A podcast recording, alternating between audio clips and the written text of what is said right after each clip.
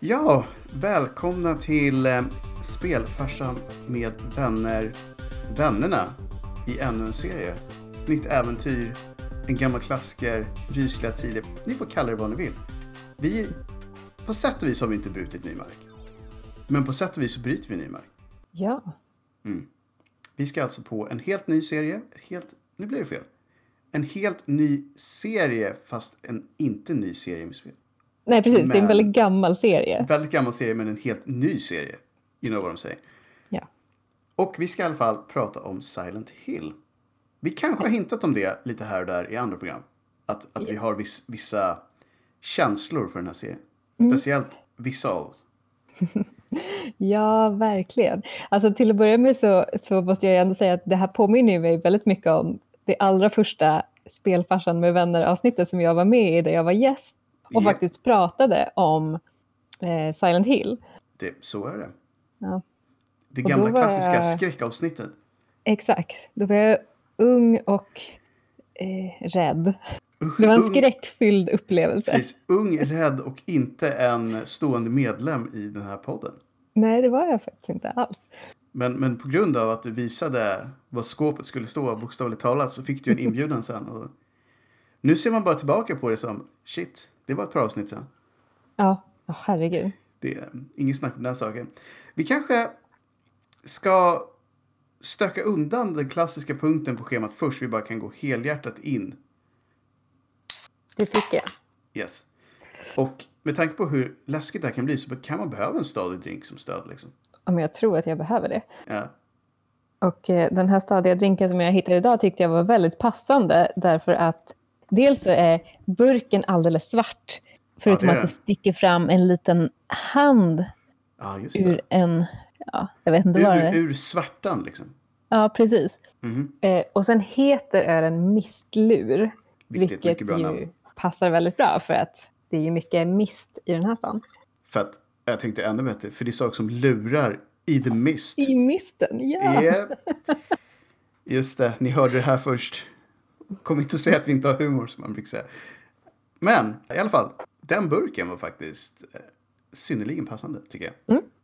Dessutom, för första burken på ett tag så är det en tallboy.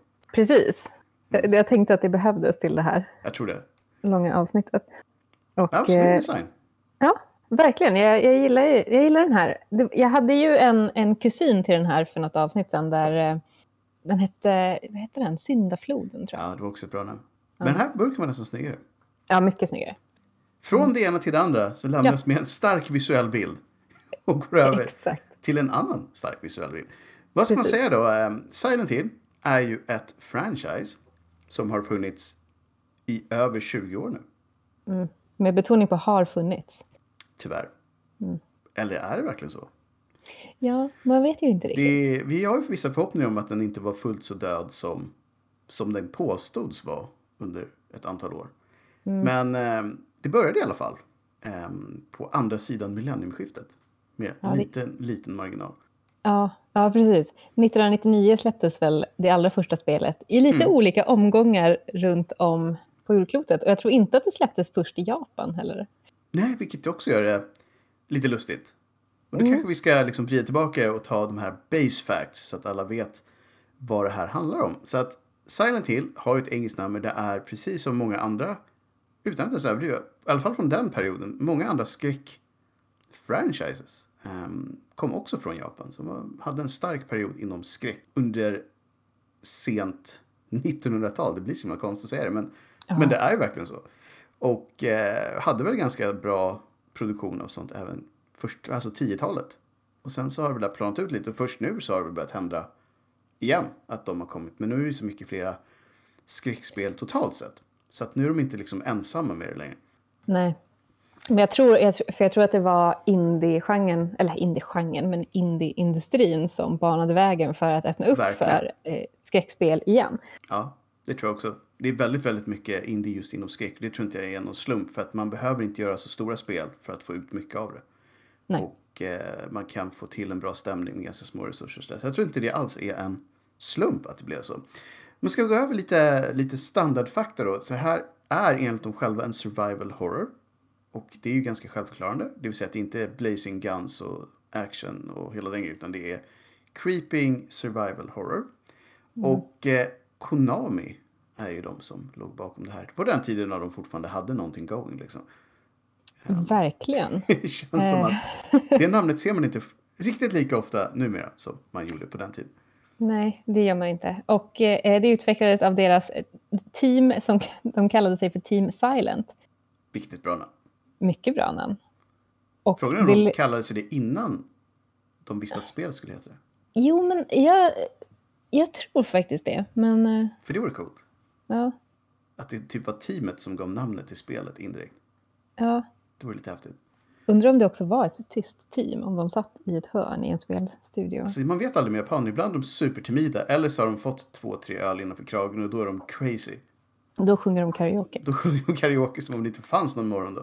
Ja. Så att det kanske var ett team som hade, det var så two-face. Ibland var det ja. flipp och ibland var det flopp. Om man kollar då vilka som har utvecklat de här spelen. Det finns, och i den här serien kommer vi djupdyka i många, många spel. Ehm, men primärt huvudspelen då. Och det finns, ja, hur många är det? Det är fyra som har nummer. Och sen ja. är det fyra som inte har nummer, om jag förstått saken rätt. Precis, det är Origins, Homecoming, Shattered Memories och, och Downpour. Downpour, precis. Så att åtta totalt i main-serien och sen så finns det lite andra specialer vid sidan om, en handfull till. Så att mm. vi kommer primärt gå på dem i huvudserien då. Och det är ganska många olika studier som har varit med och gjort det här. Så vi pratar Creature Labs, Climax Studios, Double Helix Games som ju är ganska kända. Vatra Games hade jag faktiskt aldrig hört talas om. Wayforward Technologies och självklart Kojima Productions. Ja. Och jag tror det sistnämnda förklarar sig själv. Det, det är inte en okänd figur. Och om det inte gör det så kan ni läsa boken. Då, borde ni till och med läsa boken, för den finns på engelska nu. yeah. You heard me. så det här är då brainchildet från en kille som heter Keijiro. Eller Kishiro. Kishiro. Toyama. Toyama.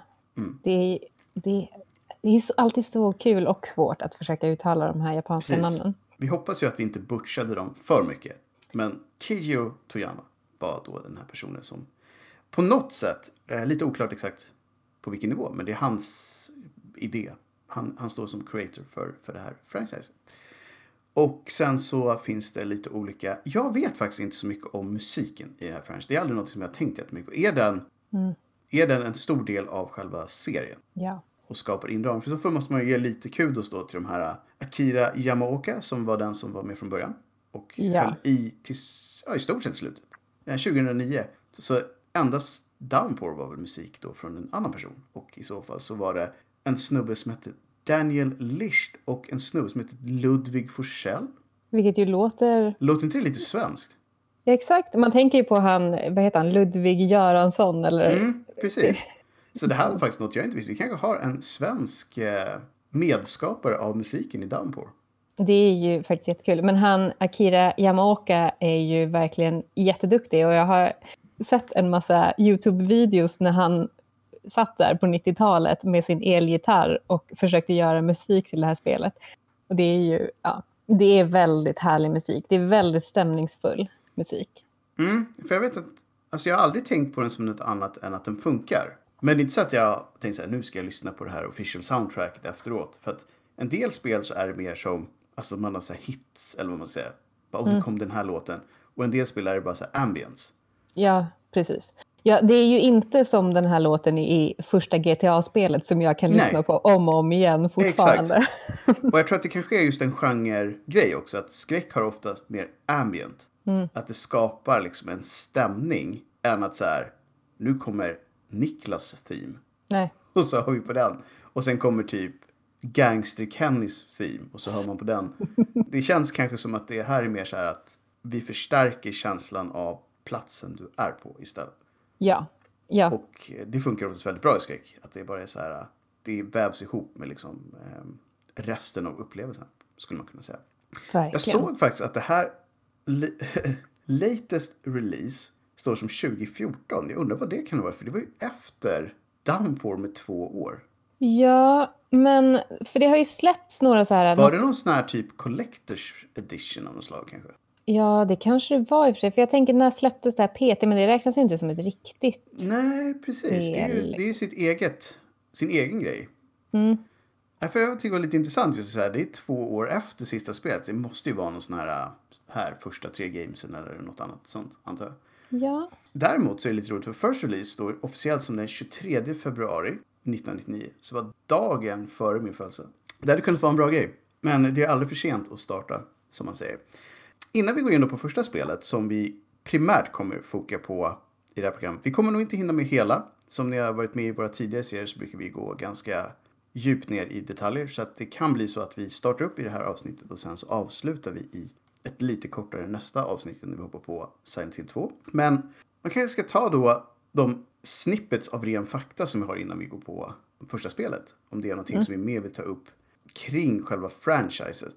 Vet vi till exempel varför det här utspelar sig i USA fast det är ett japanskt franchise? Det där är alltid spännande, men jag, för det, det, har väl alltid funnits någon, någon viss så här, romantisering runt amerikansk kultur mm. bland japanska spelskapare av någon anledning.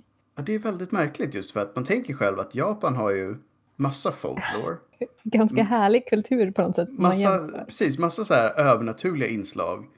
Men mm. de lägger nästan alltid sina skräckfranchises någon annanstans än i Japan. Eh, ja, verkligen. Vilket är lite skumt. När man tänker att de har ju hur mycket sånt som de själva kunde använda. Så här, vi lägger det här i Fukuoka och bara så här kör lite ghost stories. Men nej, vi hittar på en fiktiv stad i USA istället och kör där.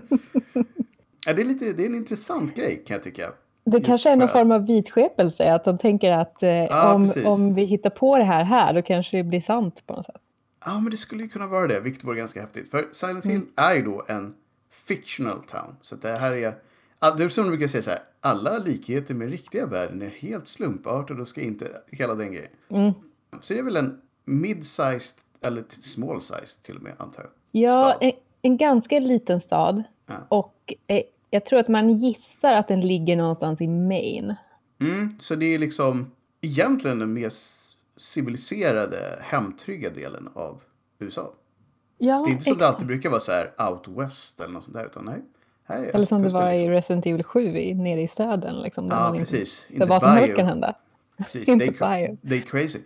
Nej, här pratar vi liksom den mysiga östkusten. Precis. Och, men det, det som jag tror att de får med sig från östkusten är ju just allt det här det gamla, det som hände förut där, alla ritualer, mm. kanske till och med så här häxprocesserna och de sakerna. Precis, man har hela den här nybyggar, första nybyggar-eran. Där Exakt. det kom folk som hade konstiga religiösa övertygelser, startade kulter, hade väldigt slutna communities och man visste inte riktigt vad alla hade för bakgrund och så vidare. Och så, vidare. så det finns ju mycket lore att potentiellt dra ur om ja. man vill skapa en, en, en sluten liten stad som kanske har haft en egen historia. Så på mm. sätt och vis är det ganska smart. Och eh, den här serien var ju då redan från början enligt sig själv inspirerad av psykologisk horror. Ja. Vilket vi då var inne på lite förut, att den ville aldrig vara Resident Evil egentligen. Utan den ville vara mer creeping horror. Precis. Så det är ju inte, det är inte jättemycket actionmoment. Nej. Det är inte jättemycket fightas med fiender. Det är ju det, men, mm. men eh, inte alls i samma utsträckning som Resident Evil. Nej, och för att dra en parallell till som vi lyfter fram i Resident Evil som underlig där, men som inte är underlig i Silent Hill, är ju att man spelade en everyday man i mm. senaste Resident Evil. Men i Silent Hill så är det det man nästan alltid spelar. Uh, ja. Och det var väldigt medvetet tydligen att de ville inte att det skulle vara någon som är speciellt någonting alls. Utan det är, det är vanliga människor som liksom är med om de här händelserna. Och det är väl också ett sätt att göra det läskigare. Mm. Att det här kan hända potentiellt sett vem som helst. Så att det är väl egentligen den största skillnaden tror jag. Att fokuset är annorlunda. Sen har de såklart överlappningar för att det är skräck. Och de kommer från samma land. de kanske har haft en del utbyte av idéer och tankar som man alltid har när man jämför sig med andra spelserier. Men, men fokuset är ändå ganska markant annorlunda om man tänker på vad de var ute efter. Ja, verkligen. Och, och det behövdes nog kanske som ett liksom, komplement i den här genren. För på något sätt tillhör de tillhör ju ändå samma mm. genre. Men, och jag tror att när man började utveckla Silent Hill spelet eller började ha idéerna runt det, då hade det ju släppts ett Resident Evil redan och det var Mm. väl, man byggde väl kanske lite grann på den framgången som var med Resident Evil, att man ville ha någonting liknande, men Mm. ändå inte riktigt lika, liknande. Och sen när man väl släppte Silent Hill, då hade ju Resident Evil redan släppt två titlar. Ja, visst, de körde ju på också väldigt hårt där under samma period. Så att, Mm. nej, jag tror att de tjänade på att sno lite grejer, men sen så insåg de snart att Resident Evil var så bra, varför vill vi tävla på samma premisser? Det är bättre att hitta vår egen nisch och Mm. köra på den. Ehm, som, som avslut kanske man kan säga då att de faktiskt, trots att vi då sa att den här serien är kanske lite pausad, eller vad man säger, så har den ju faktiskt sålt totalt sett väldigt bra. Det är nästan Mm. 9 miljoner spel sålda. Ja, och de flesta av är- de nio miljonerna är väl typ de första två, Ja. tre spelen. Men om man även då slår ut det på hur många det är så har man ju fortfarande då sålt mer än en miljon per spel.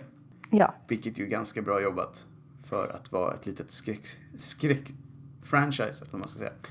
Och att man också har provat så många olika studios. Så att det har ju funkat ganska bra hela tiden. Men säkert, som du säger, funkade det som bäst alldeles i början. Jag tror att om vi inte har någonting annat vi vill säga rent generellt om serien så kanske vi ska hoppa in i första spelet då. Jag har en liten grej till bara som jag vill nämna som jag tycker är Shoot. lite, lite roligt. Det är ju att, för det släpptes ju ett demo tillsammans med Metal Gear Solid Mm. eh, för det första spelet. Just det. När man hade... Jag, jag saknar fortfarande lite grann de här konvoluten till eh, Playstation 1-spelen. Mm. Det var bra De grejer. Ja, de var så fina. Och då fick man ju med det här demot. Och det demot skilde ju sig sen jättemycket, visade det sig, från det spelet som faktiskt släpptes. Mm. Det Men var det ju är så ganska ofta för att det kunde vara väldigt annorlunda. Ja, ja, för det var ju verkligen så här... Man kände inte igen sig alls om man köpte Silent Hill sen och spelade det. Och det som var roligt är att den här strategiguiden som fanns, på den tiden som det fanns Det mycket strategiguide, så var det ju liksom från det här demot hur man skulle Vilket lösa en massa pussel. Så ni det- gjorde här guiden först alltså? Ja, och det, så det blev ju lite fel. Verkligen. Och numera hade de inte kommit undan med det tror jag. För att de har ju sett själv när folk släpper spel som inte stämmer överens med sina trailers. Att Mm. folk bygger oftast upp en förväntan numera. Så här, ja det här spelet verkar jättebra. Och får de inte det så blir de inte bara arga utan då går de oftast ut och försöker kräva tillbaka en massa saker. Så det är, det är inte alls lika riskfritt längre att ändra på ett koncept. Nej, och, och, nej gud, och nu för tiden dyker det ju upp liksom så YouTube-filmer där man jämför demot med den riktiga. Ja, och man kan bli stämd av alla möjliga om man inte Ja. har. Så att det var en enklare tid förr på sätt och vis. Ja, ja. Man- Visst, man sen kan man ju alltid bolla med tanken på att om det här spelet inte hade blivit bra. Så kanske Exakt. folk har sagt så här, men vad fasen, ni gav ju oss ett superhäftigt koncept och en trailer och ett demo. Vad, vad är det här för något? Mm. Så att de hade ju tur sen att det de väl fick ur sig var så här, sweet, det här funkar, vi är nöjda. Jag vet inte vad som hände däremellan, men det här var bra också, så vi köper det liksom. Nej, men precis. Så, att, så, så de lyckades ju på det sättet och det var ju, det var ju himla tur. Absolut. Men då kanske vi ska hoppa över till Silent Hill Original. Original. Helt enkelt. Och eh, först ta lite generellt om spelet och sen som vi alltid gör in på storyn och snacka igenom den. Vi har ju redan nämnt, 99 var det. I februari i Nordamerika. Och mars i Japan, så du hade ju rätt där. Att Nordamerika var faktiskt först. Och Europa fick sitt i juli, såg det ut som. Ja. Så de hade en ganska utspridd eh, release av första spelet. Kanske var för att testa marknaden helt enkelt. Se om det här, om det här funkar som vi, som vi hoppas att det skulle göra. ja, precis. Och sen var det väl vissa skillnader också Mm. på de här spelen. Och det var till Playstation kanske vi ska säga. För Ja, alla er som till- bara har eh, suttit på senare konsoler. Men det här var till the original Playstation. Just det. Den som eh, kallas för ettan, men som inte heter ettan. Precis som det här spelet inte heller heter Silent Hill 1. Men, Exakt. Det heter ju bara Silent Hill för när det här kom så fanns det inga. Exakt. Eh, och, och det enda sättet att spela det här spelet idag är ju typ att ha ett Playstation 1 och en Silent Hill 1-skiva. Mm. Vilket är underligt på sätt och vis. I tanke på den åldern av remakes och remasters som vi ändå har. Eh, speciellt de senaste åren. Så kan man ju tänka sig att förr eller senare så hoppas man. Men om de nu ska göra det så vill jag verkligen ha en gedigen remaster. Mm. Alltså Ja, det- i det- samma stil som, som Resident Evil-spelen har börjat få. Exakt. Då, då är jag okej med det. Annars vill jag helst inte att de gör det. För att jag, jag skulle bli nästan mer arg om de gjorde någon slags så här ja, vi drog upp upplösningen lite grann och så säljer vi om det och så var det typ ingen annan skillnad. Nej, och då, för då spelar det ingen roll, för då kan man ju lika gärna... Då kan man lika gärna köra den gamla klassiken som man Om- förhoppningsvis har i hyllan. Om man råkar ha det. Precis. Och har ni Det hade ju inte jag. Nej, Eh, precis. Det är det problemet. Att det inte, inte säkert att man har det. Men Nej. då får man gå ut och leta. Jag har en gammal konsol, men jag spelade det här spelet genom att hyra det i 48 timmar från Kiruna Video när jag var liten. Och det var en grej för bara så ni vet det. Det, Ja. det var en, stor grej. Hyra 48 timmar, det var, det var en classic. Ja. För jag minns att jag, det var något spel som jag fastnade på så himla hårt på någonting. Och, och jag kunde inte lösa det. Eh, och sen fick jag... Ett, ring, man ringde någonstans och frågade hur man skulle göra. Och så Mm. fick jag reda på det och så var jag tvungen att hyra det nästa helg igen. För att, och då hade man ju förlorat. Man hade ju inte... Jag hade ju inte Ingen sparat. save fil kvar. Nej, precis. Nej. De, de wipade ju där varje gång. Liksom. Ja. Det, var, en- det var en annan tid. Det var en komplicerad Mm. tid. Men å andra sidan var man mer nöjd när man faktiskt klarade saker också. ja, det var fantastiskt fick, roligt. Fick kämpa för det. de största skillnaderna då mot Resident Evil som, som det här spelet faktiskt har, det är ju att eh, det är ingen direkt så här, strategi med hur, man, hur mycket grejer man ska ha. Så man kunde ju plocka på sig nästan hur mycket saker som helst, har jag för mig. Och det gillar man. We like that. Ja. Och man behövde heller inte bygga ihop saker. Allting kom liksom färdiglevererat. Hittade man en grej så var den i sin liksom, slutgiltiga form. Vilket också är trevligt. Det att- gjorde det lite enklare i alla fall. Ja, det var inte pussel på den nivån som, som det är i vissa andra. Vi kanske också ska säga då att det här var ju då redan från början i 3D. Den hade, Ja.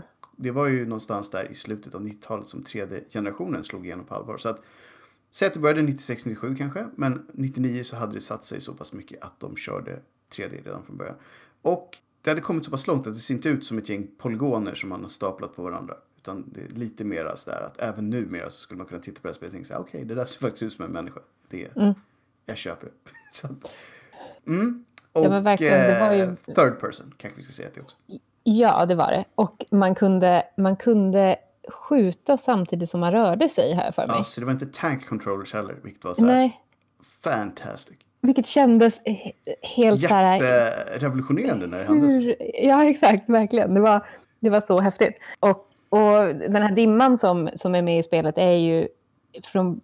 Alltså den är ju väldigt stämningsfull. Mm. Inte så, men den var ju också med väldigt mycket därför att för att liksom ge tid att rendera grafiken Ja, ja. medan man rörde sig. Dimma har ju använts i många, många spel just för att spara på minnet helt enkelt. Ja. Och lura spelaren att tro att så här, oh, det här var ju stämningsfullt. Eller, Men någonstans i bakgrunden sitter någon tekniker och bara saved. ja, exakt. Och bara yes, det här det funkade. Det funkade. We made it happen. Så att så är det. Och det var en grej som de redan i det här första spelet pushade mycket för just. ehm, stämningen. Och att eh, de har den här dimman. Att, eh, Mm. det, det är en feature. Jag frågade, I efterhand sa de att det var planerat. Men som sagt, lägg i det vad ni vill. Det kan ha varit ett smart sätt att spara på, på minne också. Exakt. Och mistlurölen hade inte varit lika rolig om det inte hade varit så här. Ja, och sen så var det också en serie som försökte att ta sig bort från det lite mer slapstick, vad ska man säga, slapstick-orienterade skräckgenren inom spel. Mm. Den ville vara lite mer seriös. Och jag tror att det hade väl lite med Resident Evil också, som också hade valt den approachen. Vi ska ha riktiga stories, vi ska ha riktiga, riktiga, inte händelser med tanke på att allting är super onaturligt såklart för att det är skräck, men mer genomarbetade upplevelser. Och inte Ja. bara splatter liksom. Nej, exakt. Det ska kännas som att man, man ska få någon form av... Liksom, man ska känna för protagonisten och liksom Mm. ha en, en härlig stämning och känna att man löser någonting.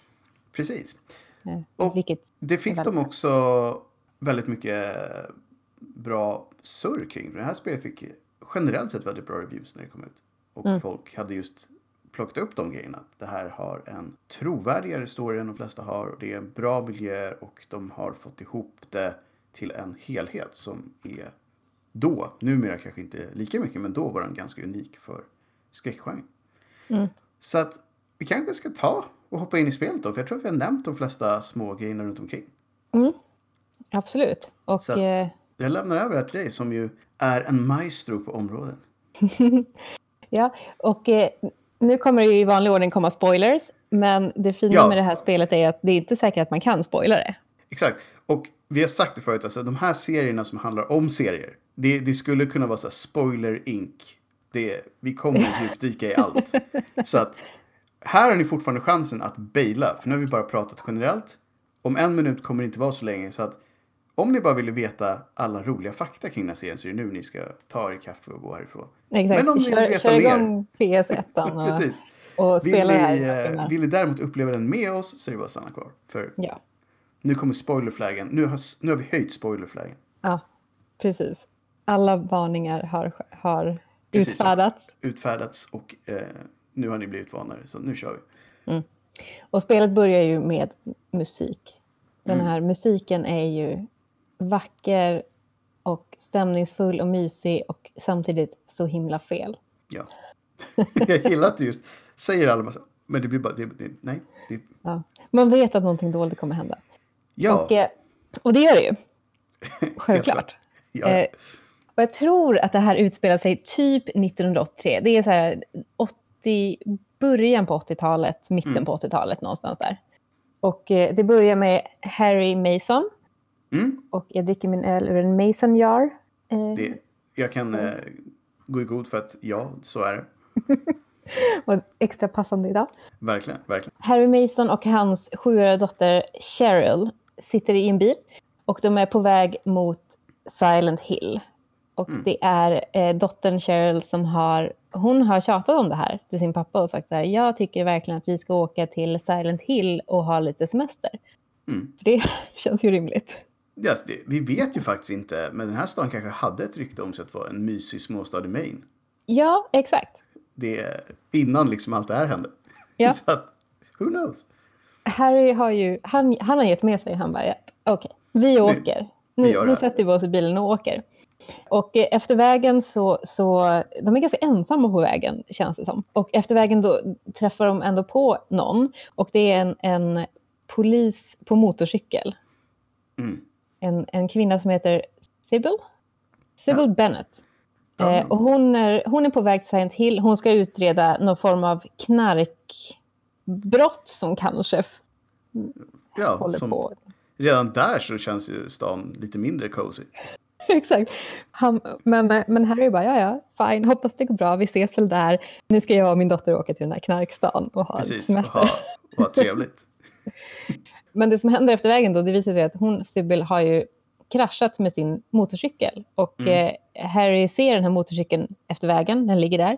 Han känner igen den, blir lite distraherad och när han tittar upp igen mot vägen så ser han en liten flicka som står mitt på väg. Och det här är så klassiskt japanskt på något sätt. så att redan här så anar man ju oråd när det är ett japanskt skräckspel.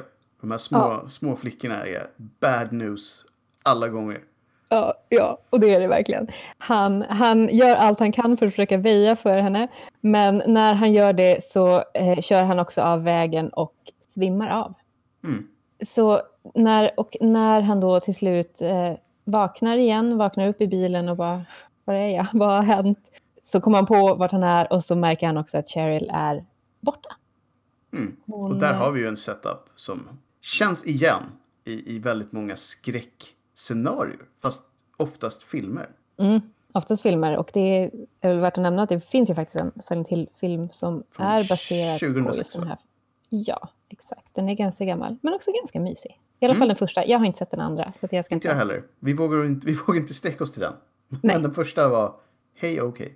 Ja, verkligen. Eh, så såklart så ger han ju sig ut för att leta efter henne. Han, han går runt lite grann. Det är ju redan dimmigt. Mm. Så att han, han, han ser inte så himla bra. Men, men det, han, det han ändå ser är ju en liten flicka. Eller åtminstone en så silhuett av en liten flicka. Ja. Som han, han tror ju är Cheryl såklart. För att vem skulle det annars vara som är mitt ute i vägen? Han går ju åtminstone på vad som är mest troligast. Får man ju säga. Ja. Hon, när han går mot henne så börjar hon liksom springa iväg. Han följer efter henne, springer rakt in i dimman och kommer då till Silent Hill. Och det är här man tänker sig att den här fina stora skylten Welcome to Silent Hill står. Ja, och den har ju... När man såg den första gången så var den ju inte en klassiker än. Nej, Men den har blivit det och nu tror jag att det är kanske en av de sakerna som de flesta Silent Hill-fansen mest kopplar till serien. Om man säger. Vad, vad tänker du på när du hör det här namnet? Då tänker de flesta på den stora, den stora skylten som man ser. nu för tiden om man googlar på den här skylten då ser man ju skylten från filmen och den är ju väldigt mycket mer skarp än Mycket, mycket mer skarp. Vi får tänka när det här spelet gjordes trots allt. Så det var lite mer low res. Som man säger. Ja, man får tänka pixlar. Precis. Stora pixlar. Stora, stora sent 1990-tals pixlar helt enkelt. Ja, det är Minecraft i princip. Ja, jo, det är faktiskt ganska bra jämförelse med vad man nog skulle kunna säga. Men eh, oavsett vilket, väldigt ikonisk för den här serien. Ja, verkligen. Och eh, när, när han då kommer in i Silent Hill så visar det sig att Silent Hill är ju allt annat än välkomnande. Mm. Det, det ser dimmigt och mysigt ut, som man kan tänka sig när disen drar in från liksom Atlanten och, och Alltså så. redan där så känner man att okej, we got a little something. Mhm. Men helt plötsligt så förändras ju skepnaden totalt. Det är, från den här dimman så blir den smutsig, den blir mörk och det är blodigt och det hänger det, det är så här järnstaket, galler, det hänger kedjor, det hänger kött. Ja, så det är lite som så här, uh, vad ska man säga, reversed reality, alltså flip switch, så här att nu är i nightmare world helt plötsligt. Ja, verkligen. Och när Harry går genom någon gränd där så hittar han en, en vad som ser ut som kanske en människa, men man vet ju inte. Nej, eh, som hänger liksom korsfäst på ett så här galler. japp. Och han blir attackerad av ett monster och dör. Ja, det, är, det är verkligen abrupt. Man tänker så här, jag har precis börjat, det, var gjorde jag fel liksom? Ja. Vad, Det- hur, hur, vad kunde, Kunde jag gått liksom någon nå? annanstans? Precis.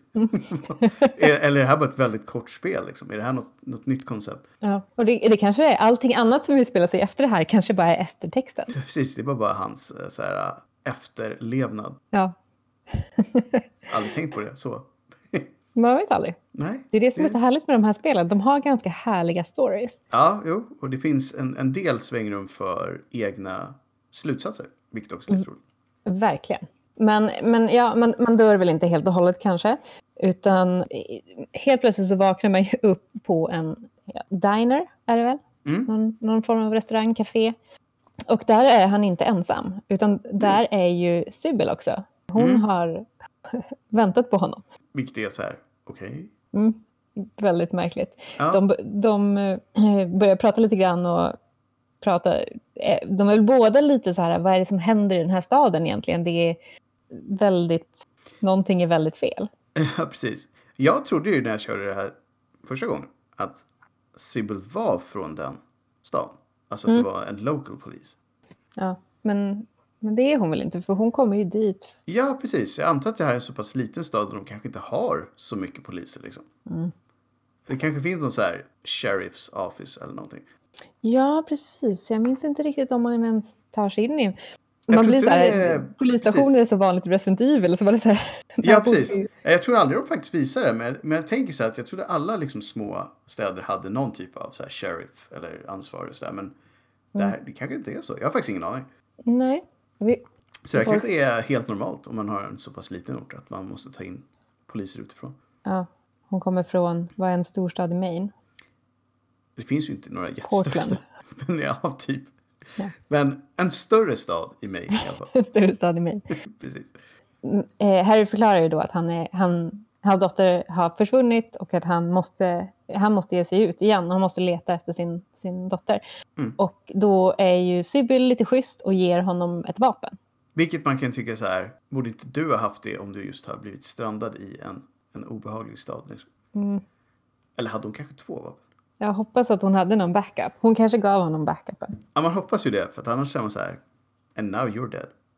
Ja. Lite så. Men i alla fall, man får sitt första vapen där. ja, vilket han också får använda direkt. Därför att när, jag tror Sybil har hunnit ge sig av, men det flyger ju in någonting genom fönstret i den här dinern som ser ut som en flygande... Men det är ju lite grann som de här dinosaurierna som man ser. Eller Ja. ser, som man har sett på bild. Om man ser så här på stan. Um, Vad heter de? Pterodaktyler. Ja, kanske det gör. Fast lite mindre variant då, för den är väl Ja. typ lika stor som... Det är lite så här Mothman kanske. Ja, men det är det. Mer Mothman. Ja, så, så då får han ju skjuta den här och bli så här, gud, vad är det egentligen som händer? This town crazy. This town crazy. Och av någon anledning så tycker han ju att det är värt att gå tillbaka till den platsen där han dog Mm. förra gången. Jag kan säga så här, Ja. jag hade inte gjort det. Nej, men jag hade... Alltså det jobbiga är att man har sin dotter någonstans i den här stan. Hade man inte haft det så hade man ju bara, hej då. Alltså vi har ju sagt det här förut i, i många andra skräckspel att så här, hade man satt sig i de skorna så hade man tänkt så här, det här är inte värt min tid. Nej. Men som sagt, hade man haft sin dotter någonstans så kanske man säga, det här är egentligen inte värt tid, men god damn it. Ja, Jag antar att jag måste. ja exakt. Ah, det var det här jag signade upp för. ja, precis.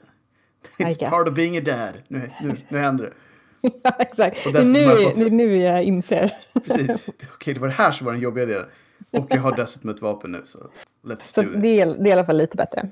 Helt klart. Och i den här gränden så hittar han, han hittar en lapp, Mm. en liten note där det står to school. Och han tycker då att den här lappen är utdragen från, från Cheryls ritbok, skrivbok. Japp, japp. Och att det kanske är hennes handstil, hur man, alltså jag vet inte, en sjuårings handstil. Jag tänkte också det, men så här, man kanske ser sånt. Det kanske också är part of being a dad, jag vet inte. Jag, det var lite det jag tänkte, så här, att man har sett många, du vet, teckningar. Ja. Vi, får, vi får fråga spelfarsan. vi får göra det. Vi, Mm. vi får stämma av det. Men vi just nu så utgår vi från att visst ser man det. Ja, precis. Det är ju helt klart Cheryl som har skrivit den här lappen. Jag kan inte vara någon annan. Nej. Så därför så tänker han så här, "Japp, jag ska, jag ska gå till den här skolan. Och det gör han. Och den är ju, det, det ser ju ut som att den här har ju övergivits För länge, länge sedan. Japp. Det finns ju inga skolbarn längre där. Men det Mm. finns ju små monster, eller björnar som jag Ja, kallat dem var, för tidigare. vi har varit inne på det i ett av våra nyhetsprogram. Att Ja. det här är då en av skillnaderna mellan Ja. eh, de olika versionerna. Vilket är väldigt of... Vi, vi gav oss själva en hemläxa som vi än så länge inte har hittat svar på varför de gjorde så här. Nej, Men De det, ser ju- är, det är väldigt underligt när man tänker efter. de ser obehagliga ut. Det alltså, de de. har ju liksom, det är som att de har vassa Mm. Händer. De har så knivar istället för liksom, fingrar. Ja, men det, vet det, de, det, det, är inte en, det är inte en hälsosam look. Nej. Nej, nej det, det är några vitaminer som har glömts bort under den här Precis. uppväxten. Får man ju säga. Men då undrar man ju då, varför kunde de inte ha de creepiga småbarnen från den riktiga versionen? Eller hur? Det är så konstigt därför att det känns som att det är... Det, är måste ju så- varit någonting med barn som inte västvärlden var okej med att använda som protagonister. Jag tror det, för att de skjuter ju, eller de skjuter ju, man skjuter ju, Harry skjuter ju på dem. Och vi har ju någon Nej. slags oskriven regel att man aldrig har barn som casualties i spel. I alla fall i västvärlden. Jag tror faktiskt det nästan aldrig har varit så i, i Nej. spel. Att, att barn är med lite då och då, absolut. Men det är nästan aldrig så att det händer någonting med dem. För att, eh, Nej, förutom att de kan vara extremt ondskefulla, det är oh ja, okej. Det är helt okej om de är evil as hell. Ja. Men man skjuter dem inte. Nej, nej. Eh, och det gör man ju inte i det här spelet eftersom att de är björnar med knivar. The evil Bumbibjörnar. Och inte är de rosa heller. Inte en enda har de faktiskt. Nej. Det är inte mycket rosa i det här spelet generellt. Möjligen så är den där texten när, när det står to school, den är väl lite rödaktig. Så det Mm, kanske är det mm. närmsta rosa vi kommer. Det är, det är nog faktiskt det närmaste vi kommer. Vilket är en del om stämningen i Ja. spelet. Men när han är inne i skolan då så, har ju, eh, så förvandlas ju skolan också även till sin mörka version. Mm. Ett, Mm. ett, är det Otherworld det kallas för i Silent Ja. Hill? Och jag börjar känna när man tänker att det inte är här som var, vad heter den här serien som var så het? Stranger Things? Ja, men vad tänkte jag nu så här, det känns som att de har plockat lite inspiration från Silent Hill nu när man I- tänker efter. Ja, det har de. De två killarna som skapade Stranger Things, som jag absolut inte har en aning om vad de heter, de Mm. sa ju eh, någon gång att de var väldigt, väldigt inspirerade av just Silent Hill-franchisen. There you go. För nu Ja. när man börjar gå igenom så tänker man så här, okej, det här känns ju lite småbekant och även det där och även det där. Det, Så- vilket, det är väldigt roligt. Även Silent Hill är ju väldigt inspirerat av David Lynch och massa... Mm, allt Eh, går ju i cykler liksom. Ja, till och med, jag tror att till och med gatorna i Silent Hill är döpta efter eh, författare. Det är häftigt. Så det är en liten så här tribute även där. Ja, Men vad coolt, för då skulle man ju kunna säga att Silent Hill fortfarande lever via andra medier. ja i allra högsta grad. Och Jag det kommer vi komma tillbaka har- till flera gånger, misstänker jag. Ehm, Ja, har, vi, vi har ju igenom det genom, genom också alla, till exempel Fallout 4 med Whisper Ja, precis. Som vi nämnde. Ja. Även där så smög det sig in en liten mod som bygger på Silent Hill. Så att, Precis. och just även de här skolmiljöerna och den här uh, skylten. Så det är mycket, mycket klassiska bitar från Silent Hill som fortfarande finns med i populär media. Mm, just det. Och gå in på vår Instagram och kolla på just den här skylten, för den är Mm. väldigt magisk. So good, so good. Och det är inte bara för att det är vår Insta. 'Cause it's good shit. Ja, den är inga filter. Nej, precis. Inga alls. Men ja, väggarna och golvet i den här skolan blir rostig metall, känns det som, även om pixlarna kanske inte är de bästa. Men eh, Man får använda, Men- Numera får man använda fantasin lite mer än man behövde göra då. exakt. Eh, och, och eh, det blir ju fler och fler monster. Mm. Harry får ju ta någon form av upptäcktsfärd genom skolan och möta spelets eh, första boss till slut. Mm. Ja, bossarna har ju också väldigt eh, speciell design och är, känns väl, jag vet inte om jag skulle säga kanske unikt för Silent Hill, men, men på något sätt ändå är de ganska unika. Ja, ja, men det skulle jag nog säga att de är. Mm. Jag trodde faktiskt inte när jag, när jag spelade det första gången att det skulle vara bossar i det här spelet. Det kändes inte som ett spel som hade bossar. Nej, det är inte, men det är också väldigt, det är inte så att man, man tog fastnar på bossarna, utan Nej, det nej. är, bossarna är ju mer så här, "Ha- nu börjar nästa kapitel. Mm, precis. Ja, Jag tror att det skulle vara du vet, mer kanske likt Alone in the Dark. Mm. Att man vill inte stöta på fiender i någon större utsträckning för att de är så farliga. Men när det väl hände så tyckte jag att de hade gjort en ganska bra avvägning. Just för de säger, det är mer så här att nu hände en viktig grej i storyn som vi bäst kunde liksom få fram genom att vi skapar ett boss-event. Men det bygger inte på att du sitter bakom en låda och skjuter 200 skott på den här snubben liksom, utan det, det är andra grejer. Nej, precis. Och det här borde vi komma ihåg att nämna när vi pratar om slutbossen sen. Men, eh, Ja, absolut. ja. Och det hoppas vi att vi kommer ihåg. Vi, vi skriver en mental note här någonstans. ja. När han eh, väl har klarat den här bossen så får han ju syn på en mörkhårig flicka i skoluniform, Ja, vilket känns väldigt japanskt. känns väldigt japanskt. Eller Visst, engelskt. de har skoluniformer på, både i eh, UK och USA. Men det är inte standard. Nej, Jag vet inte om Man det är det i Japan väldigt- heller, men jag känner att det är mer standard där. i alla fall så, så är det, det är med väldigt mycket populärkultur. Otroligt mycket. Mm. Ungefär samma uniform också, så att man undrar om de bara har en design. Ja, exakt. Alla ser ju ut som Sailor Moon, typ. Typ så. Förutom hennes magical powers, men you know what I'm Mm. Ja, saying. nej. Den här flickan kanske har andra powers av något slag. Det vet vi inte. Det vet vi inte än, men med tanke på Men- vilken sorts spel det är. You know Exakt. Men det verkar ju lite konstigt eftersom att hon försvinner ju bara framför Harrys ögon. Ja. Vilket kan tas som lite övernaturligt.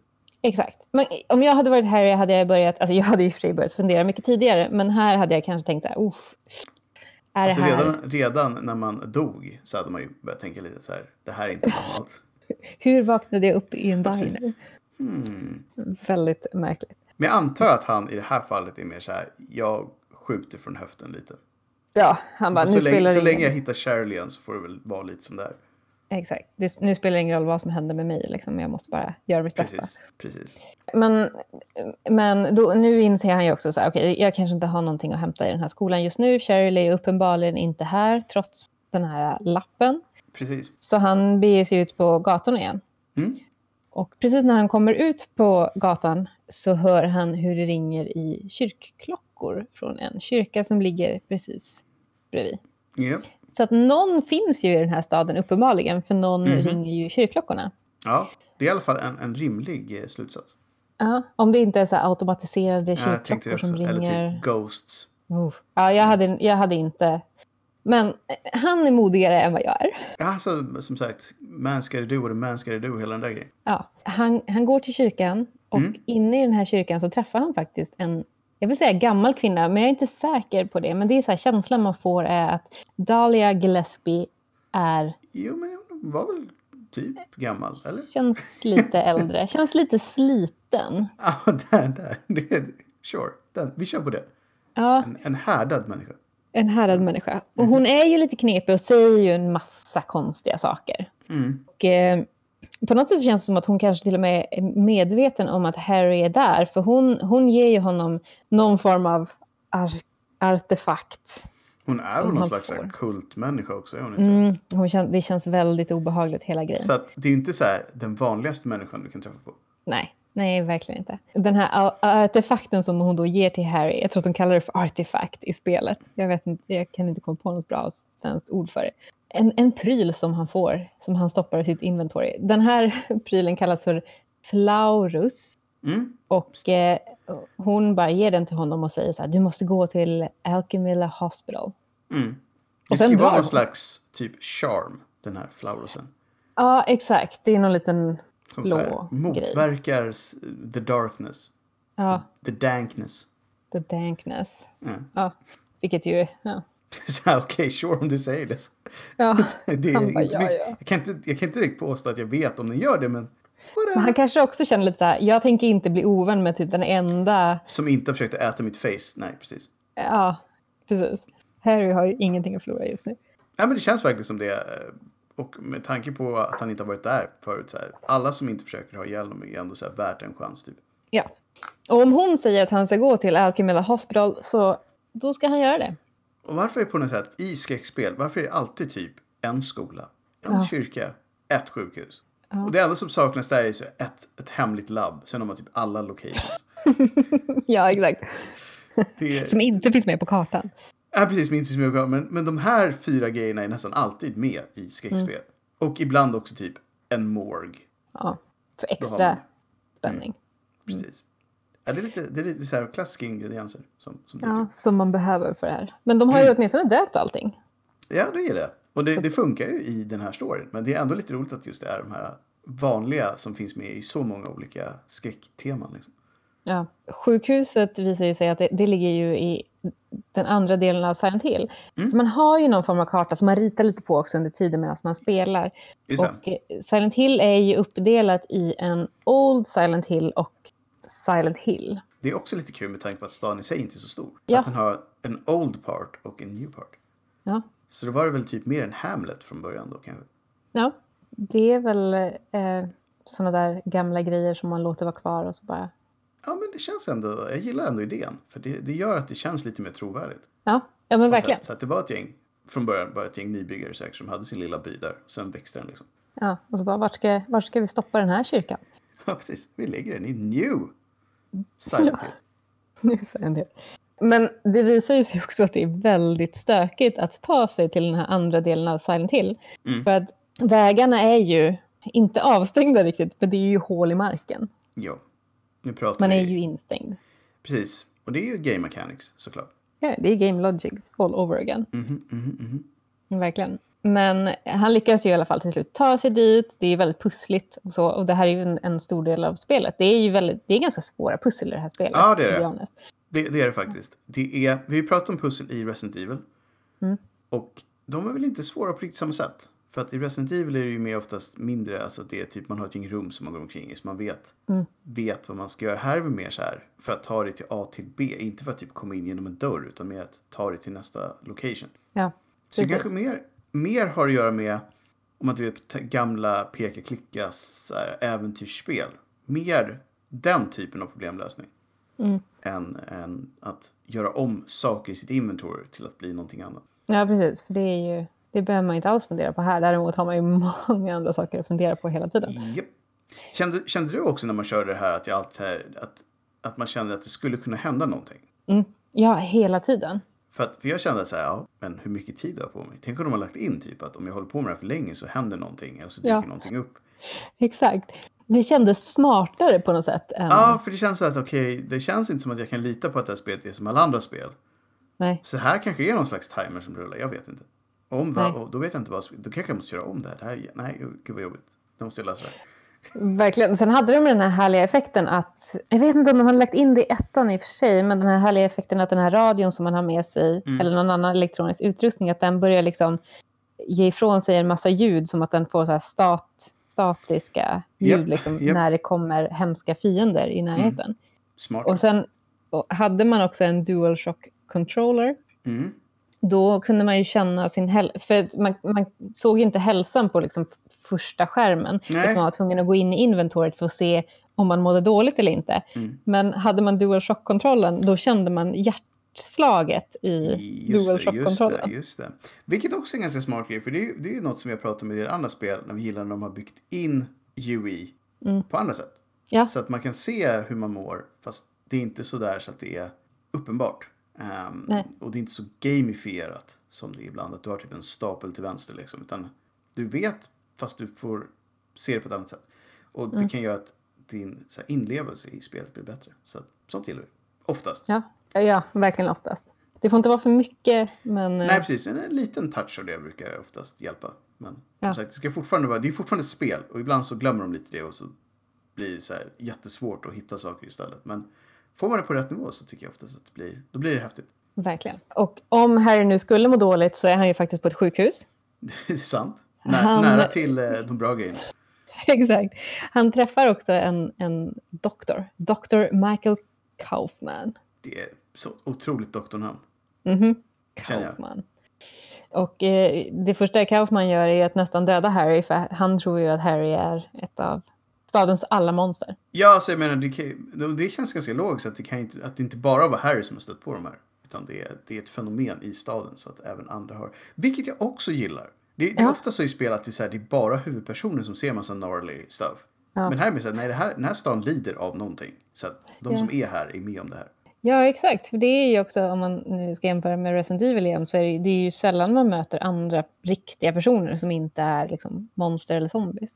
Ja, och de man träffar på är ofta så här äh, död. eller eller Exakt. döende. Dödad. Exakt. Bara en så här red shirt som snart kommer stryka med i en helikopterolycka. Liksom. Så att Ja, det tycker jag, men det är det vi är tillbaka lite med så här everyday man-jargongen. Att det är det jag gillar med det här. Att Mm. det här är bara en snubbe som jobbar på sjukhuset. Liksom. ja, Men hans vardag har också blivit hemsk för att de här monstren dyker upp. Och det är så här, okej, då har vi det gemensamt. Ja. Två, två vanliga människor som bara försöker överleva en jobbig situation. Liksom. exakt.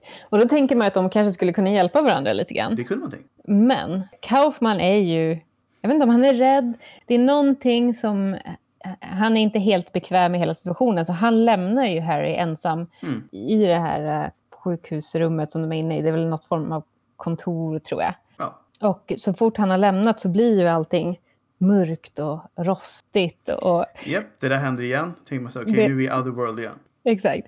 Och nu är det inte björnar utan nu är det ju sjuksyrror. Ja, det är en klassiskt inslag i den här serien. Det här är ju verkligen Silent Hills signum på något sätt. Mhm, mhm. Eh, sjuksystrar som inte är helt mänskliga, men ändå är, de är ju människor. De, de här är ju inte björnar. Nej, alltså man, man ser ju att det här är en människa på något sätt. Ja, verkligen. De går runt och går lite så här hackigt, Ja. går runt i korridorerna. Har på, de har ju lite så här slutty outfits, för det ju, ser ju ut som så korta kjolar. Och en liten- Scary slutty nurses. Ja, verkligen. The dream antar jag för någon.